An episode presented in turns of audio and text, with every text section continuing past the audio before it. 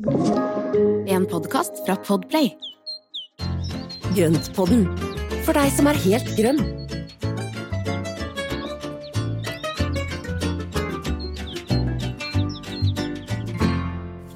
Hallo alle sammen, velkommen til Grønnpodden med Espen og meg.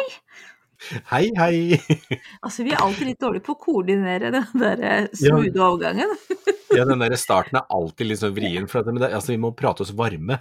Selv om jeg syns vi, vi, har gjort det allerede nå. også. jeg syns vi er ganske Vi burde vært ganske, eller burde være ganske innarbeida på denne her starten også. Mm. Men det er noe Mm. med start. Starter er litt sånn eh, Ja, det er en start. Det er liksom når man kommer i gang, så er alt så mye mer enkelt. For å si det sånn. Men vi skal ikke snakke så mye om det i dag, Espen. Vi har veldig mye annet vi heller vil snakke om. Ja, det har vi. Mm. Og vi har jo da besøk i dag. Ja, vi har et lite besøk, for nå er det snart hagemesse, så vi har eh, en special guest der. Og så har vi rett og slett tenkt at, eh, at resten av episoden blir litt sånn spørsmål og svar, for det har vært en del, det er en del ting folk lurer på nå, denne delen Mm. av sesongen. Så vi går gjennom noen spørsmål, rett og slett. Det blir sånn, Det blir en sånn- minispørrepod. ja. kan vi si det? Ja. Jo. Så det blir veldig mye informasjon og, og praktisk, tenker jeg, i dag. Men før vi begynner sånn liksom på dagens tema, skal vi ta oss og bare mm, Jeg vil gjerne vite hvordan du har det, Espen, for nå er det jo da rett før hagemessen. Vi er litt stressa der, selv om det begynner virkelig å lande nå. Men så har du jo masse annet også. Du sitter nå med skuldrene skuldrene veldig sånn Jeg ser de er sånn cirka oppe ved høretelefonene dine. Jeg bruker de som ørevarmere. Det eh, Høres veldig betryggende er ut. ikke sant. Nei, det går egentlig ganske greit. Det er eh, Men jeg tenker at det er måten å spise en elefant på, er jo å ta én bit av gangen, er det ikke det? Mm. Så det er liksom å ta steg for steg og ta tingene som det kommer. Og eh, det har vært en god del å gjøre på jobb, og så har det vært en del med, med boka, og så har det vært en del med hagemessa. Det er, liksom, det er, det er så mange ulike retninger, og det er det som Mm. gjør at det blir litt sånn derre ja, det går litt i kluss i huet noen ganger når man da skal prøve å, liksom, å samle alle disse ballene. Men mm. det som gir meg litt ro, det er når jeg bare kan få en liten halvtime eller en time ute i hagen, sånn som nå når sola har begynt å varme, du kjenner at det gresset har tørka opp, det begynner å lukte jord, krokusen blomstrer, du kjenner at det er vår, og altså, da forsvinner alt stresset. Da klarer jeg å komme koble ut. Det er min Mm. eh, mentalhygiene, er å liksom å komme ut i hagen, og så liksom jorda meg i det derre å bare være ute i hagen og ikke tenke på noe av det andre. Og da klarer jeg å koble ut. Fantastisk. Ja, det er helt utrolig. Det er uh, billig medisin. Hvis man ikke da har gått amok i et hagesenter først, før man går ut i hagen. Bruk tusenvis av kroner på planter. Ja, det, skal, det skal vi gjøre i helga, skal vi gjøre i helga, for at da skal vi handle på hagemessa. Så det er, da kommer vi da hjem med alle de plantene som burde vært planta, og bør plantes eh, egentlig så fort som mulig, eller skal herdes, eller skal ordnes med, eller et eller annet annet. Så da starter jobben. Er det egentlig et tips? Er at hvis man har vært på hagemessa, så bør man ta seg en fri mandagen etter? Å ja. Ja, ja, Ja. ja. Mandag, kanskje tirsdag, og onsdag kanskje også. To-tre dager. Det tror jeg hører med, så ta liksom booke inn litt ferie etter det. Ikke sant? Uh, Ja. Nei da, vi får nå se. Det, er, det blir bra. Men du da, Marianne, hvor går det, hvordan går det med deg? Ja, nei, I dag har solen skint, og, og livet leker. Vi har grillet, og vi har Jeg har flytta på tulipanplantene mine, fordi at uh, Jeg har egentlig tenkt jeg skulle kjøpe sånn Trico Garden, og så tenkte jeg dette, men jeg har egentlig kanskje lyst til å se om, om vi kan lokke dem så nære at vi kan få sett dem på veldig nært hold. Sånn Og da tenker du på de tulipanene? Nei, sorry. Nå tenkte jeg liksom at dere visste hva jeg mente. Rådyrene som går rundt og Ja. snuser på alt mulig, de er jo veldig Ja. glad i også i tulipaner. Og jeg har jo Mhm. tre store krukker med tulipaner som har stått litt sånn lengre bort på gårdsplassen. Sånn, Veldig fint at du liksom tok med meg nå, sånn at vi eh, fikk det her forklart ordentlig. Så nå har jeg flytta alle, nå er jeg så oppi det sjøl, flytta de helt nær inngangen. Sånn at istedenfor at de da står litt på avstand, og, og jeg bruker noe sånn middel for å skremme dem bort, så jeg tenkte kanskje at de kommer så nære huset vårt. Kanskje de, ja, så kanskje de spiser en tulipanblomst da, før jeg jager dem bort, men kanskje vi da får mulighet liksom, å se det fra dem, på dem fra kjøkkenvinduet helt tett på. Som et sånn Ja, lokkemiddel på disse rådyra. du lokker de, du lokker de inntil deg? Ja, det er det som er litt planen, da. Kan hende at jeg angrer dette er bittert, når de Det, plutselig spiste opp sånn, alle sammen. det, det kan jeg love deg at du kommer til å angre på, for jeg har eh, Jeg snakket nylig med mamma, og der har de jo også rådyr. Jeg så jo det da jeg var hjemme sist, at det var jo knipsa av alle liksom skuddene på tulipanene. Og hun fortalte meg at hun hadde stått på vaskerommet og sett ut av vinduet, og da sto det, en, da sto det en, et veldig fint rådyr og gomla og åt med tulipan i munnviken. Eh, og hun hadde jo da banka på vinduet og laga lyd, men det sto fortsatt og gomla og åt. Ah, Slapp ut Å, ja. bikkja, men var heller ikke redd for den, for at den skjønte jo at det var gjerde imellom, tror jeg. Så, mm, liksom ingen, så hun måtte ut og liksom bevege seg mot det før det begynte å liksom bevege seg unna. Mm. Så gikk det bare kort tid, så sto det to nye der. Så de har en, hel, en liten sånn gjeng, så ikke tro på at de eh, er så lettskremte, nei. Nei, det er kanskje Kanskje jeg må ut og kjøpe trikotgarden likevel, da.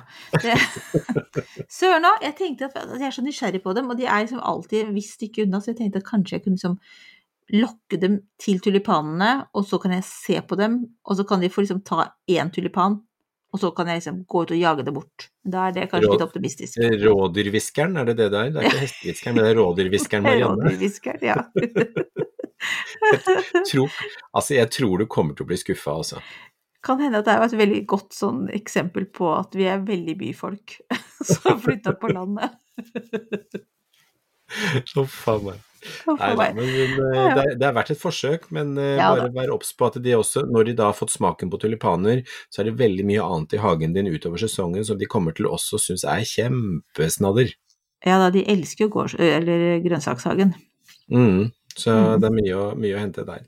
Ja. Neida, men det, er, eh, men det er jo utrolig flotte dyr, bare de holder seg på avstand. Ja, ja det, de er kjempefine. Nei, nok om rådyr og tulipaner og grønnsaker. Em, altså, vi Skal vi introdusere gjesten vår, da? Rett og slett. Ja, det skal vi gjøre. Ja. Ja. Og det er Cecilie fra Hagemessen. Mm. Og vi er jo blitt veldig glad i Cecilie. Nå har vi kommunisert og møtt henne og hatt med henne å gjøre i eh, egentlig delvis siden i fjor, Hagemessen i fjor, hvor jeg fikk kontakt med henne første gangen.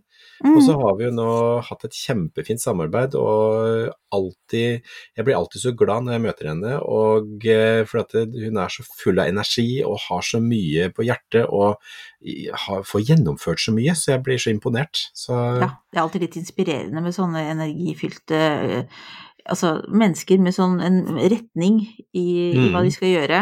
Og så må jeg si det at det er imponerende at da For da vet vi at hun har veldig mange baller i lufta akkurat nå. eh, Men allikevel klarer med humor å beskrive hvor eh, hektisk det er når hun sender mailer og sånne ting. Det, det, ja, det er litt imponerende og veldig gøy. ja, det er herlig.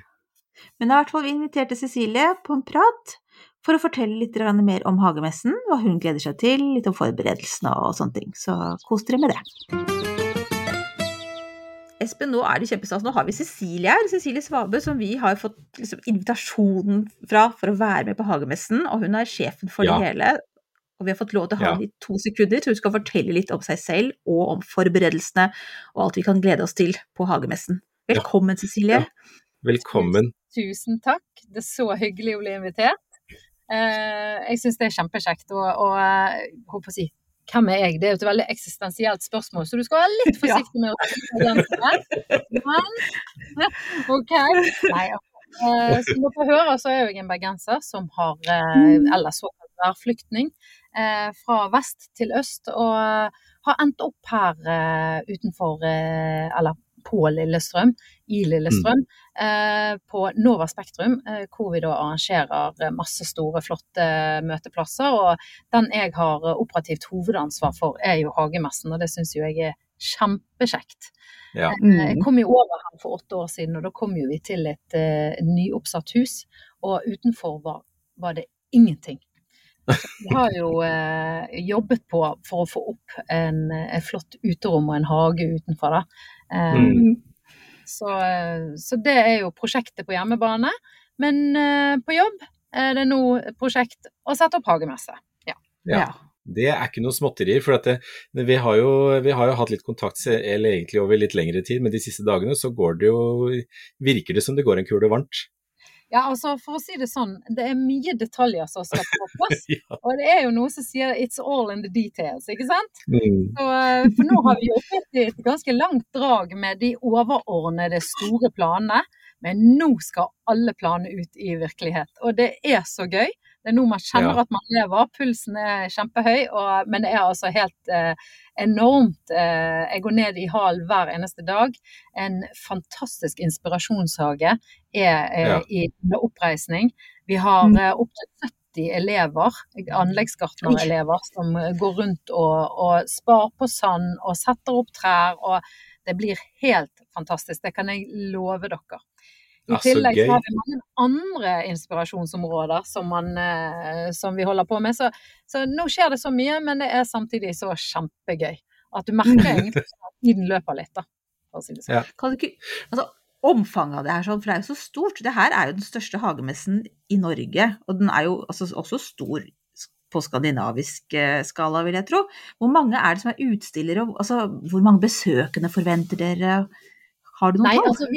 Ja, vi, vi, vi eh, eh, tror vi lander nok et sted mellom 180 og 200 utstillere. Eh, som er i en ekstrem variert eh, skala.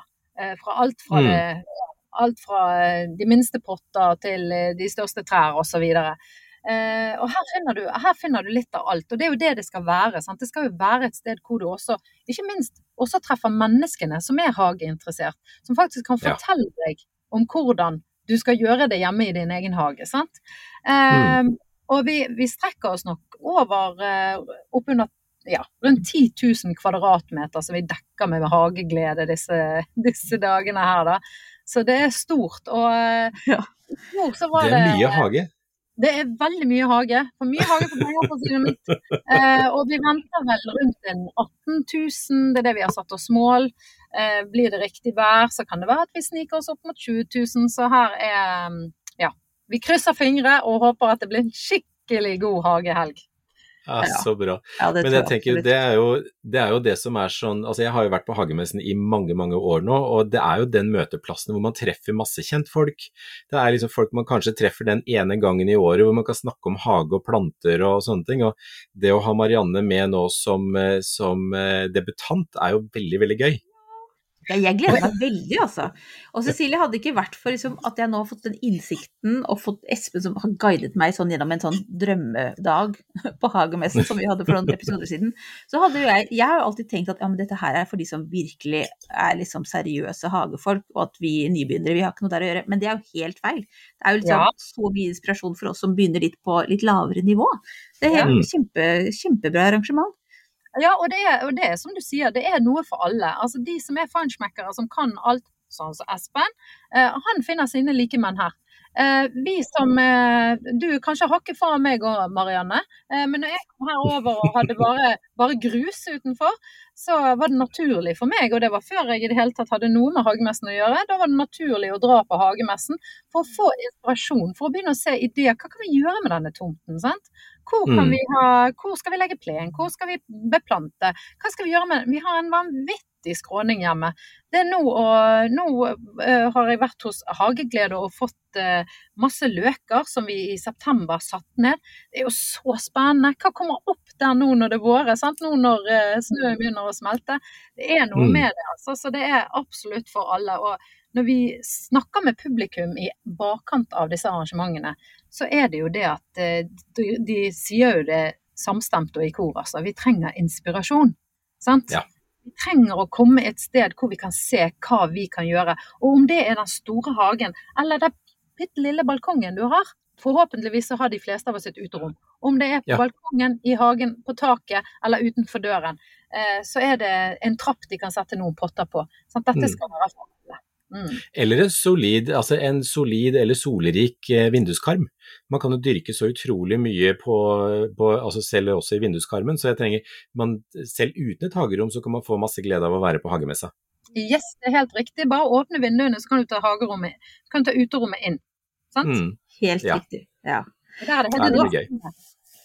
Nå tenker jeg jo på det at nå har du på en måte vært litt inne på alle de fantastiske høydepunktene som venter.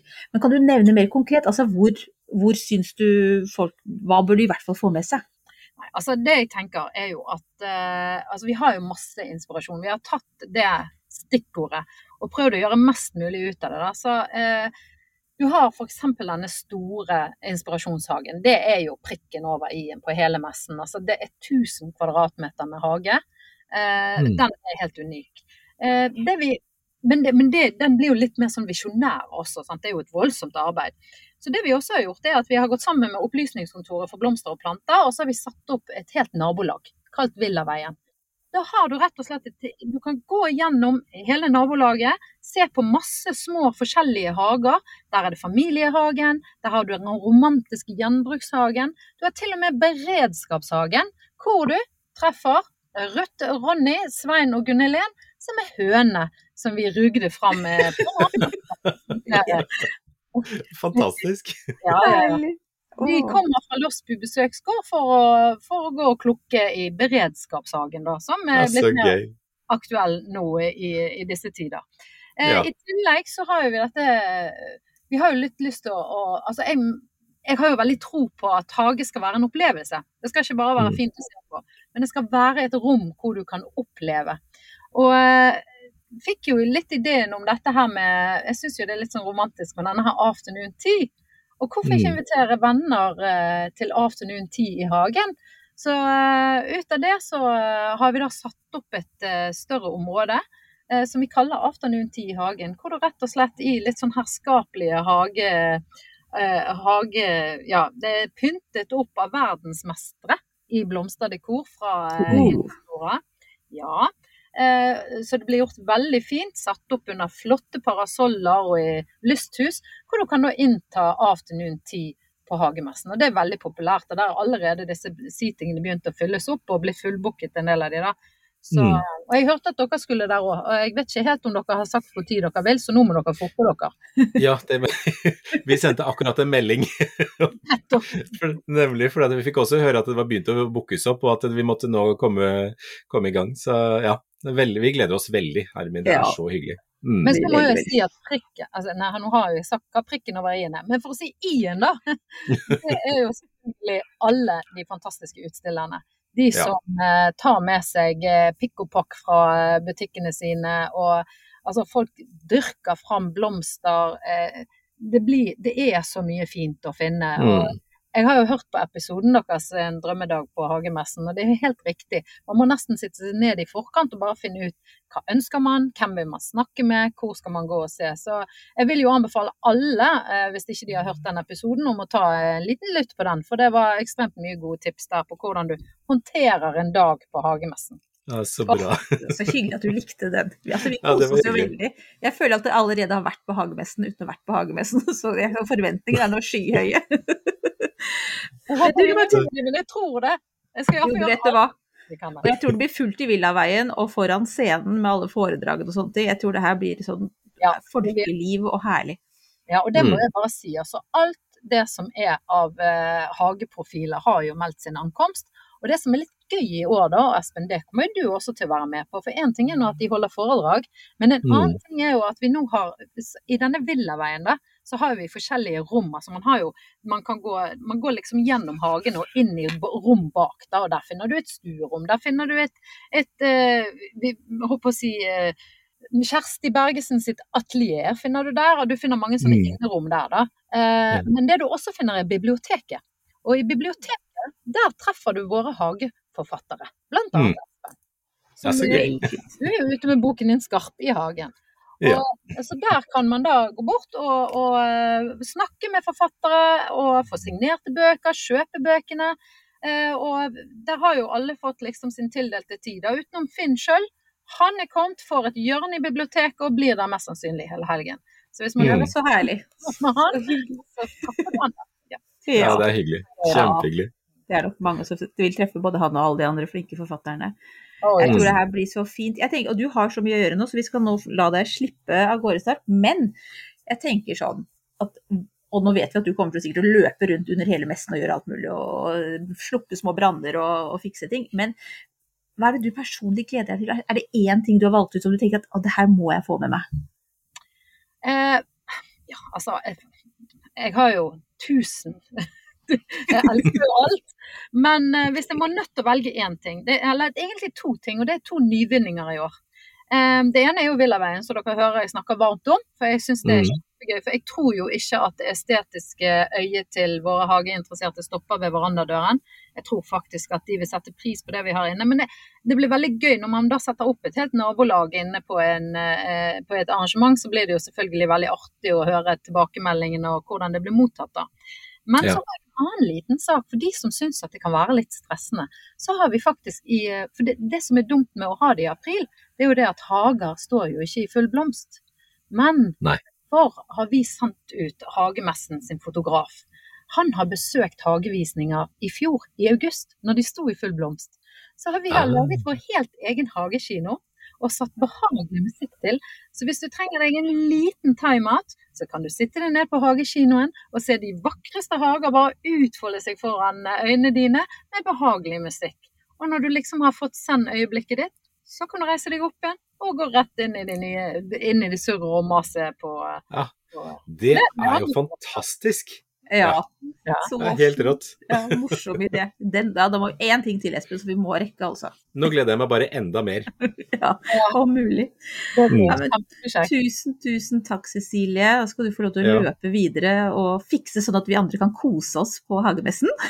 Takk. Og jeg må jo bare si det, jeg gleder meg sånn til å se Norges vakreste podkaststudio. Det finner du på Hagemessen i år. Tusen takk. Ha det bra. Yes, Ha det. ses snart!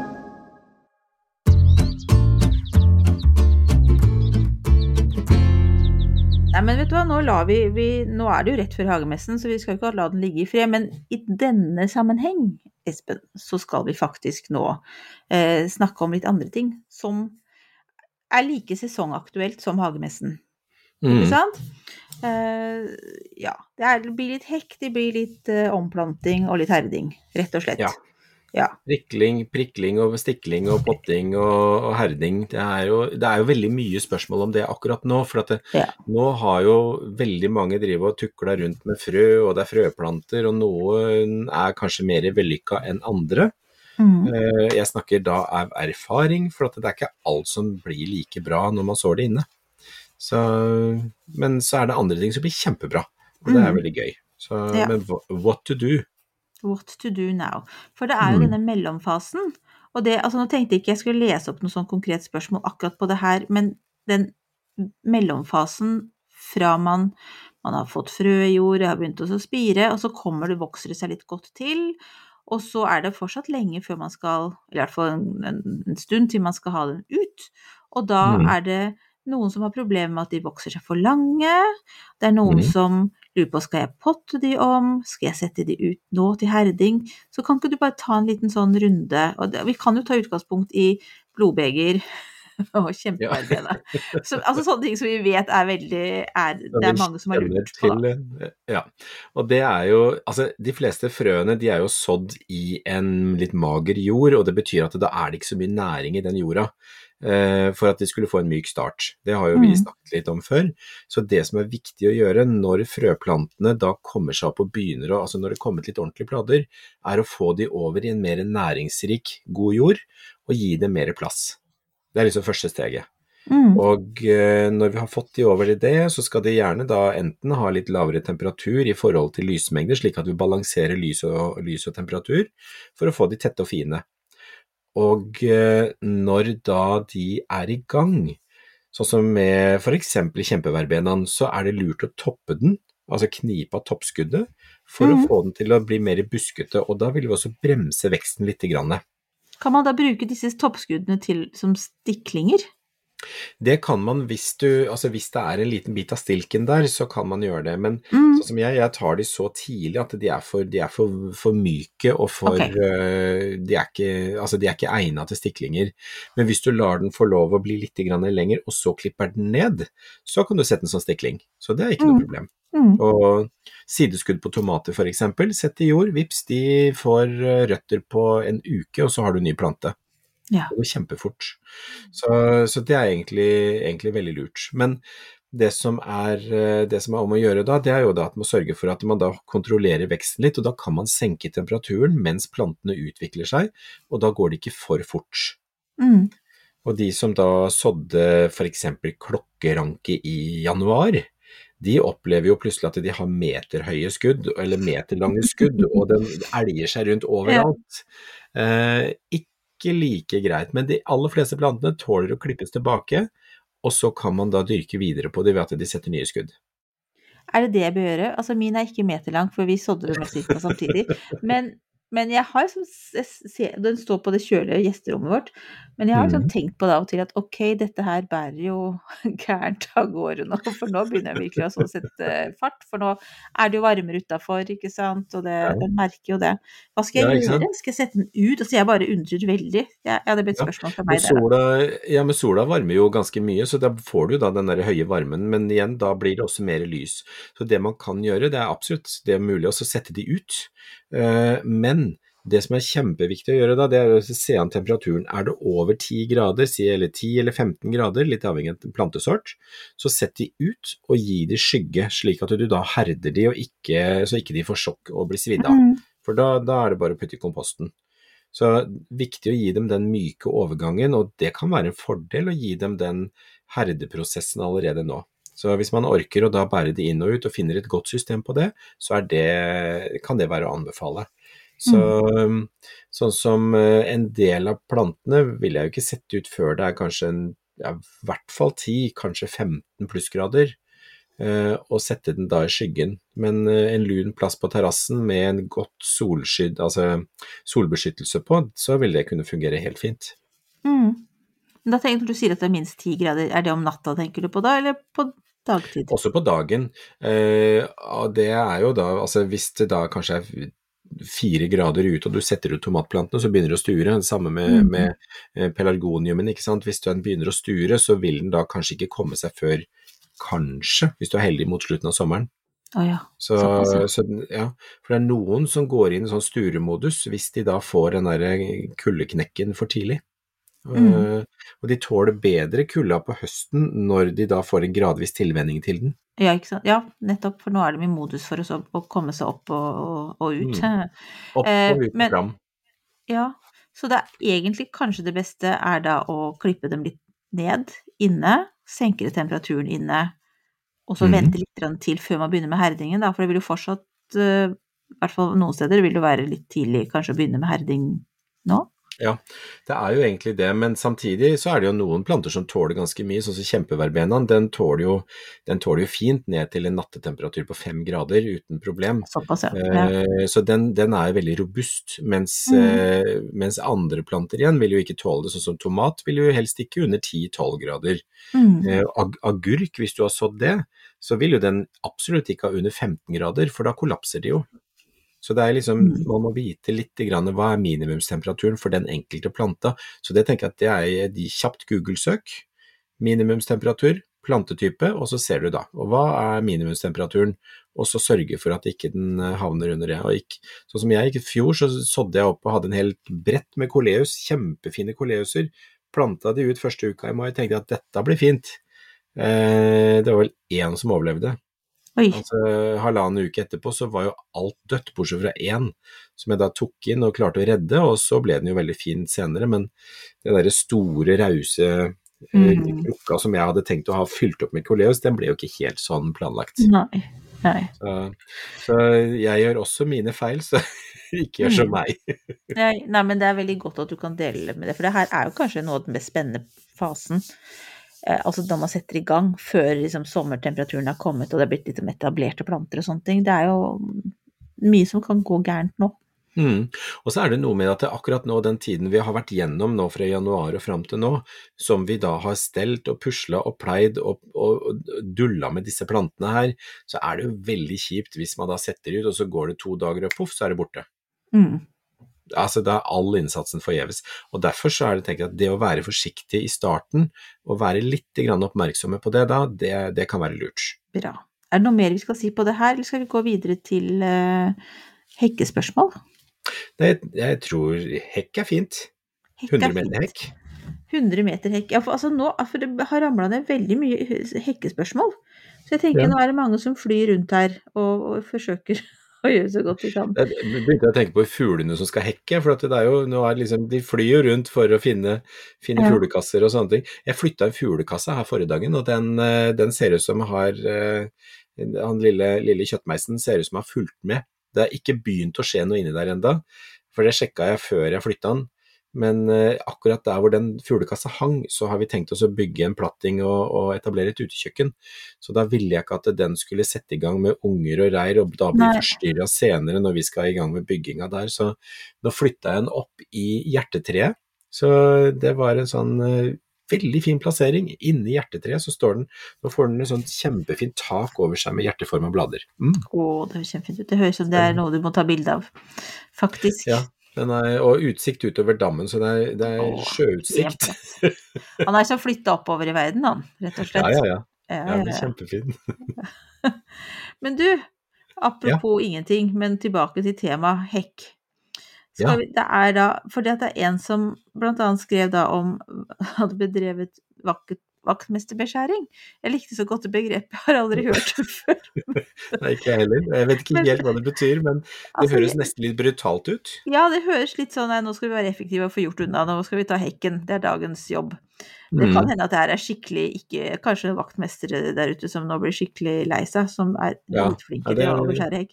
Men i hvert fall. Ehm, og hekken det er her Hun har en gammel hekk, og den er nå 150 cm høy, med tjukke, gamle stammer og mye kvist i toppen. Kan jeg kutte halvparten på en gang, eller må jeg kutte den etappevis? Hun vet ikke hva slags hekk det er, da.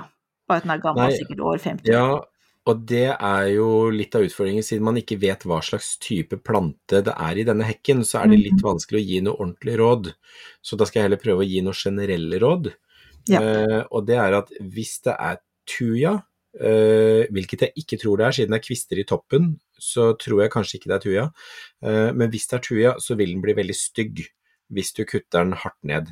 Fordi da bruker den noen år på å lukke igjen sårflata på toppen, og da må du kontinuerlig klippe den i toppen for å liksom få den til å liksom dekke over det såret. Um, hvis det er en annen, f.eks. svart surbær, syrin, et eller annet annet som er litt sånn solide, tjukke stammer, så kan det være lurt å ta en tredjedel av hekken, hver tredje plante, ta de helt ned, eh, forutsatt at det er planter som kan skyte fra bunnen av, sånn som f.eks. syrin, og så ta de helt ned, la det stå igjen kanskje 20 cm, 30 cm av stammen, hver tredje plante. Og neste år så tar man hver tredje plante på nytt. Og Mm. neste år så tar man siste tredje. Og på Ja. den måten så kan du fornye hekken uten at du liksom snauer ned alt på en gang. Mm. Og så fortsette også, men da bør det klippes da med jevne mellomrom, sånn at man hele tiden topper for å få den fyldig fra bånn av. Ja. Så ja, det var et spennende råd. Ja. Så det er liksom fornying av hekk over kanskje en treårsperiode. Mm. Alternativet er også, hvis du vet at dette er en hekk som da vokser tett fra bunnen av, så er det å meie den ned, la den få vokse opp, klippe kontinuerlig de neste årene, slik at du får en tettere, Altså og så bygge den opp tett fra bunnen av igjen. Mm. Mm. Men det er, nest, det er nødvendig å gjøre litt research, da. Og, altså Ja, prøve å finne ut hva det er for noe, det her. Avhenger av plantesort, så hvordan man da vil gjøre det. Mm. Så er det en som ikke har noe hekk, men som gjerne vil ha en eh, over garasjen. Og der er det altså et jordsmonn på 40-50 cm. En halvmeter, da. Eh, Har lyst på en spirea-hekk. Er det mulig? Ja. Det burde være mulig, men bare sørge for at ikke det tørker ut helt, og at det, det er liksom vanning, eh, mm. eller vanningsmuligheter der, sånn at det, det, de får fuktighet. Men spirea funker veldig bra. Spireaen er jo spirea du. Ja. Det er jo mange spireaer, men jeg er jo veldig glad i mørkt, spennende bladverk, og da denne her blærespireaen som heter El Diablo er kjempefin. Mm. Den blir to- to-tre meter høy, og eh, tåler klipping, blir veldig fin og buskete, kjempefint burgunder bladverk, og er veldig hardfør, tåler høy klimasone. For vi har ikke hørt hvilken klimasone det er snakk om, så, så Men den tåler, den tåler eh, Jeg tror det er H7, jeg. H6-7. Ja. så Da veldig robust. Ja, så Mm. fint. Ja. Nei, men så bra. Uh, skal vi ta det siste hekkespørsmålet? Ja. Det var egentlig mer bambusaktig hekkespørsmål. Men bambus er jo noe som mange er Altså det er jo mer og mer bambus rundt omkring i norske hager og uterom. Så Mm. Og det er en som syns at den ser litt sånn pjusk ut. Den står i pallekarm. Um, Mm. er det noe man gjør hva, hva, Hvordan skal man fikse bambusen når den ikke er helt i farta? Nei, det er jeg ikke helt sikker på, faktisk. For at jeg syns bambusen er vrien sjøl. Noen ganger så trives den kjempegodt, blir superfin. Andre ganger så trives den ikke fullt så godt. Og det, altså hvis den står i kasser, i pallekarm, i sånne, altså sånne ting, så er det ofte at den kan bli litt for redusert på vinteren. Eh, så jeg tenker at det er ikke sikkert at bambusen er et godt alternativ i kasse. Nei. Fordi det er jo noe med Det er jo veldig begrensa, for du vet, de har jo svært rotnett. De setter jo Mm. ut røtter, og de blir jo veldig sånn solide. De, har du en etablert bambus, så må du ha gravemaskin for å få den bort igjen. Eh, så det som, eh, som er um, Som jeg tror da, er at det kanskje det er for spinkelt å vokse i den der eh, kassa. Og Mm. derfor kan kanskje man burde ha valgt noe annet å sette der. Eh, og heller ha bambusen steder hvor den da kan få utfolde seg litt mer og få mer næring og kanskje mer fuktighet enn det du får oppi Mm. der. Ja. Er det noe annet du kunne tenke deg hatt i en sånn plantekasse for å, for å skjerme litt, da? Nå skal vi se, hvis det, det kommer litt an på klimasone, men eh, H1. H1, ja. ja. Da er det jo litt å velge på. Bambusen burde jo egentlig kunne gå bra, så da, da er det helt sikkert at det er det tipper jeg at det er næringstilgang og fuktighet som er utfordringen. Men mm. noe som er ikke så kraftigvoksende, f.eks. kinasilkegress, er jo veldig fin, og de kan jo få en Mhm. lengde på, på halvannen til to meter, litt avhengig av hvilken sort du har. Eh, og hvor høyt du ønsker det, så er det også noen av disse kalamagrostissene som er, kan være fine, men de blir ikke fullt så høye, de er veldig robuste. Det er også sånne, mm. sånne, sånne eh, gressorter. Um, alternativ er hvis det er et eh, greit jordsmonn, og hvis det er jord under pallekarmene, så vil man jo også kunne sette inn f.eks. noe hengende lerk eller hengende selje, som da er poda på toppen, og som du har liksom fått ferdig høyde, og så kan de heller legge seg ned. Så Ja. er det gjort på Da får man høyden og skjerminga med en gang. Mm. Den var også litt lur, syns jeg. Ja. Mm. Så det kan være et alternativ. For et par sånne hengeseler ved siden av hverandre kan jo dekke og bli veldig fin sånn vegg når de, når de får vokse seg til. Mm. Mm. Så det kan være. Da syns jeg du på strak arm tok og fikk, fikk fram noen gode råd, jeg. Ja, men så bra. Eh, ja. Er det noe mer? Jeg tenker på, er det noe annet som ikke vi har fått spørsmål om, som du vet at er alltid sånn eh, gjenganger på vårparten? Plen. Plen er jo noe veldig mange lurer på, og det, det som er første steg, det er å la den få tørke før du begynner å trampe rundt på den og tukle med den. Mm. La den tørke opp. jeg van, vet du hva, ja, men det er veldig Altså, fotballbaneplenen, den sliter nå. Hos oss så var det da liksom Har vi gått fra å spille på gress, altså kunstgress mm. og vanlig, og det innleda sesongen med en liten turnering, og det mm. regna som bare pokker dagene før, og den plenen ser jo ikke ut nå. Nei, den er, blir så ødelagt. Og det er også når du da tråkker rundt i hagen, så er det veldig fort at man går på de akkurat de samme stedene. At man går jo liksom én sti dit, én sti dit, og så mm. går man att og fram for å kanskje bort til redskapsboden da, for å hente ting. Jeg snakker av erfaring. For det er liksom, men prøv, hvis du må gå på plenen, så tråkk forskjellige steder. Ikke tråkk på det samme stedet hele tiden. Mm. Prøv å gå forsiktig så du ikke du sklir, og så gå på ulike steder og ulike ruter til den har tørket opp, hvis du må gå på den. Mm. Så, men ideelt sett så bør den få lov å være i fred. Ja, Og ikke Mm. kalk hvis du ikke må. Nei, Sjekk, gang. Det, sjekk, sjekk pH-en først, og så kan du kalke hvis det er nødvendig.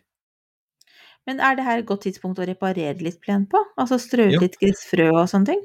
Det er det.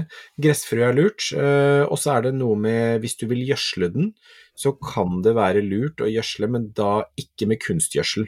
Da bør du bruke naturgjødsel. Mm. Eh, For kunstgjødsel den er sterk, og den, eh, den eh, bør egentlig ikke på før gresset er i god vekst. Okay. Så det, men naturgjødselen, altså, eller helgjødsel eller sånne ting, den er jo mye snillere og er, virker jo også bra for mikrolivet, så den er mye mye bedre å bruke. Så den kan brukes egentlig fra nå når det så vidt begynner å komme i gang. Ja, men supertilskudd. jeg tror vi bare sier at det da det var en liten oppdatering med gode mm. tips for eh, der vi, mange av oss er nå, rett og slett. Mm.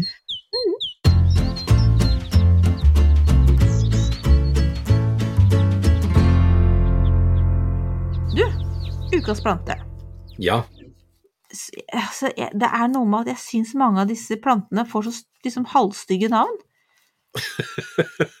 Selv om lunger er jo veldig fint å ha. Det er jo ikke noe negativt å ha lunger, men hvorfor skal det hete det på, på plantene? Forstår jeg ikke. Det er, Nei, det kan du si, og det er jo noe, men noen ganger så blir jo navnet til ut fra virkeområder.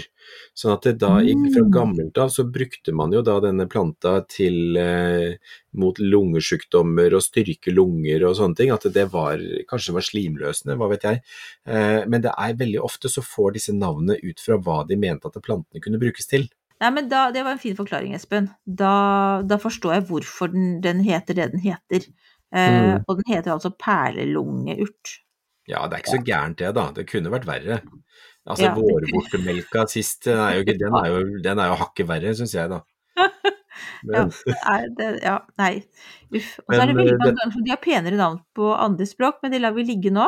Vi skal ikke være sure på det, men kose oss over en veldig fin liten vårblomst. ja, og perlelungeurten det er jo en utrolig fin liten staude, eller ikke så liten, den breier seg ganske kjapt ut i bedet hvis man ikke passer på, for den, den vokser fort. Mm. Eh, men den har veldig fine sånne eh, lodne blader som er litt stri, og så har den masse sånne prikker på, så det ser ut som masse sånn perledryss på. Mm. Eh, og den heter Pulmonaria sacarata, og er altså en eh, tidligblomstrende eh, sånn staude. Mm. Den, nå titter den fram med små rosa blomster i disse dager, og, så, og nå i slutten av april så pleier den å komme, liksom, og da står den veldig fin. Og hele første halvdelen, eller kanskje hele mai, litt avhengig av temperaturen, så står den altså som en sky av rosa blomster. Eh, og den der flekklungeurten den vil, finnes jo også da i blå-lilla eh, toner. Så, men denne her, akkurat denne perlelungeurten den er sånn blekrosa, nesten gammelrosa farge. Mm. Kjempefin. De er veldig små, er de ikke det? Sånn. Jo. Små blomster, men humlene elsker den. Mm. Og de siste dagene har jeg sett flere sånne svære, feite, fine humler, og de trenger mat, så nå er det bare om å gjøre å ha planter som, som kan ja, fylle magene på de stakkars humlene som har våkna opp etter vinteren også. Ja, kjempeviktig. Det Mm. er, men da er det et godt tips til alle som Ja. har lyst til å, å fôre sultne insekter på denne Ja. årssiden. Mm. Ja, men så glemte jeg å si en ting, og det er at den klarer seg altså i hele landet. Den er en H8-plante, tenk Mm. deg det. Den Ja. kan stå nesten hvor som helst, klarer nesten alt jordsmonn, klarer nesten alle klima, eller klarer alle klimasoner. Så dette her er det, det er ingen unnskyldninger for å ikke ha en liten perlelungeurt i hagen. Er de lett å få tak i? Altså, jeg syns Ja. jo de bare finnes overalt, men eh, ja, Ja. Det, det er jo er det sånn? gjør det. Ja. Mm. og kjenner du noen som har den, så er det bare å ta en liten sidebit, altså bare skjære av en liten bit, plante i ny potte, eller ta med hjem og plante i bedet. Vips, så har du en ny plante. Så mamma og pappa fikk en bit av meg i, i forfjor, og den i løpet av én sesong så var det en stor, fin tue. Så kjempefin. Den er veldig enkel å ha med å gjøre. Bra. Det var en det var litt sånn hyggelig å sånn opphøye en, en plante som kanskje man lett overser, da. Selv om jeg tror alle Ja, alle har sett den, vil jeg tro. Mm. Den er jo ikke noe sånn ukjent greie. Nei, men noen ganger så er det så kjent og kjært, og det er, noen ganger så er det veldig fint å ha noen sånne kjente planter som er enkle og lette å få tak i òg. Vi skal ikke bare ha de der eh, sære raritetene, det, selv om jeg, Helt enig. la meg fort fascinere av det. Mm. Ja, det, det vet vi. Du trenger ikke å, å Du trenger ikke å forsvare deg. Det er lov å like begge delene, tenker jeg. Ja, Det går helt det fint. det. Ja. Men du, vet du, ukens spørsmål, nå har vi jo bare hatt masse spørsmål, så nå tenker vi Ja, hopper galant det hopper vi over den. over det. Og Men, du har eh, jo snakka litt om hva du gjør, men altså um, Ja, men vi skal vel Jeg- snakke om hva vi gjør for noe? Ja, skal vi snakke litt om hva, hva vi For nå som vi sender det her sånn, altså denne Vi torsdagen er Vi bygger, vi. Vi, Ja, vi rigger, vi. rigger og ordner og styrer. Det er, det er akkurat det vi gjør nå. Ja. eh, og vi håper at eh, denne lyddingsen vår funker på, med opptak på messa, for jeg har slitt noen dager med å liksom prøve å finne liksom, Åssen funker dette greiene her? Jeg Ja. liker at ting bare funker av seg sjæl, og at det skal være sånn som det alltid har vært. Så akkurat sånn teknikkmessig så, så er ikke jeg så veldig glad i nye tekniske utfordringer. Nei. Er det lov å si? Ja. Eller, Ja, det er gi meg heller noen planter. Gi meg heller Ja. noen planter, så kan jeg tukle med de. Eh, Altså, Lydteknikk og sånn er ikke min sterke side, egentlig.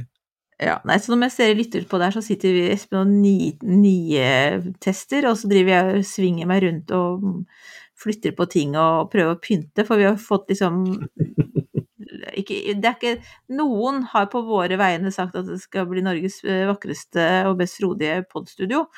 Og, mm.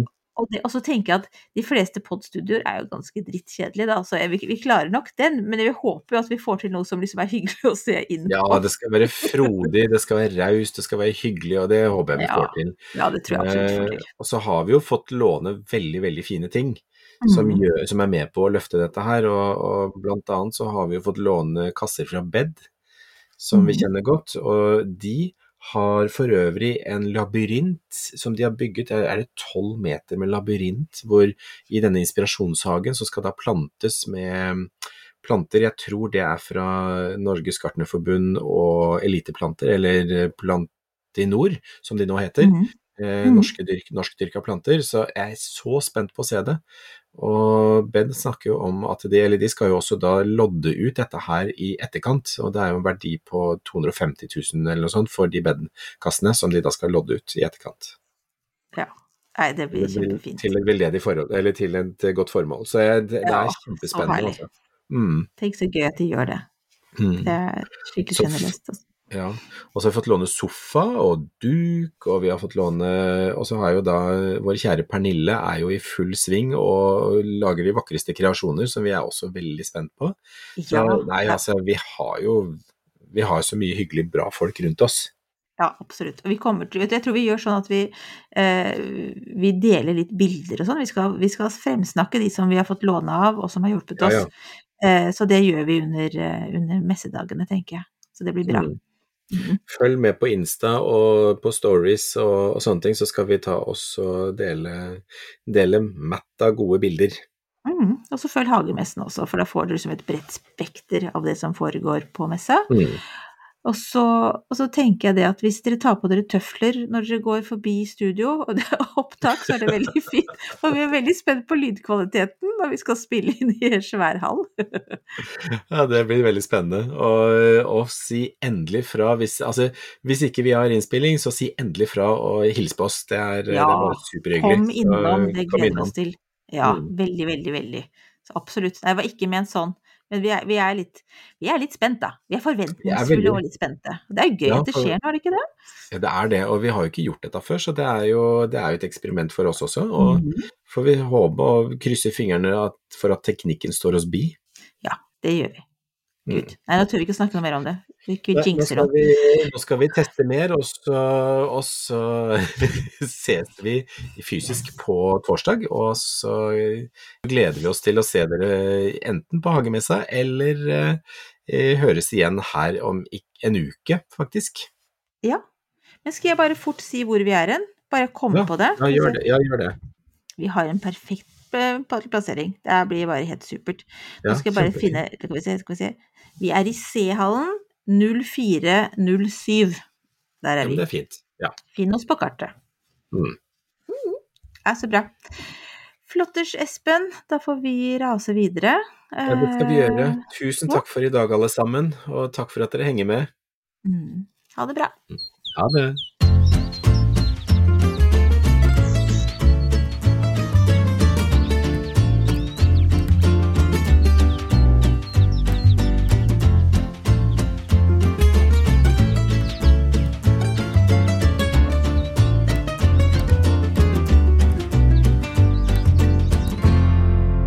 Hørt en podkast fra Podplay. En enklere måte å høre podkast på. Last ned appen Podplay, eller se podplay.no.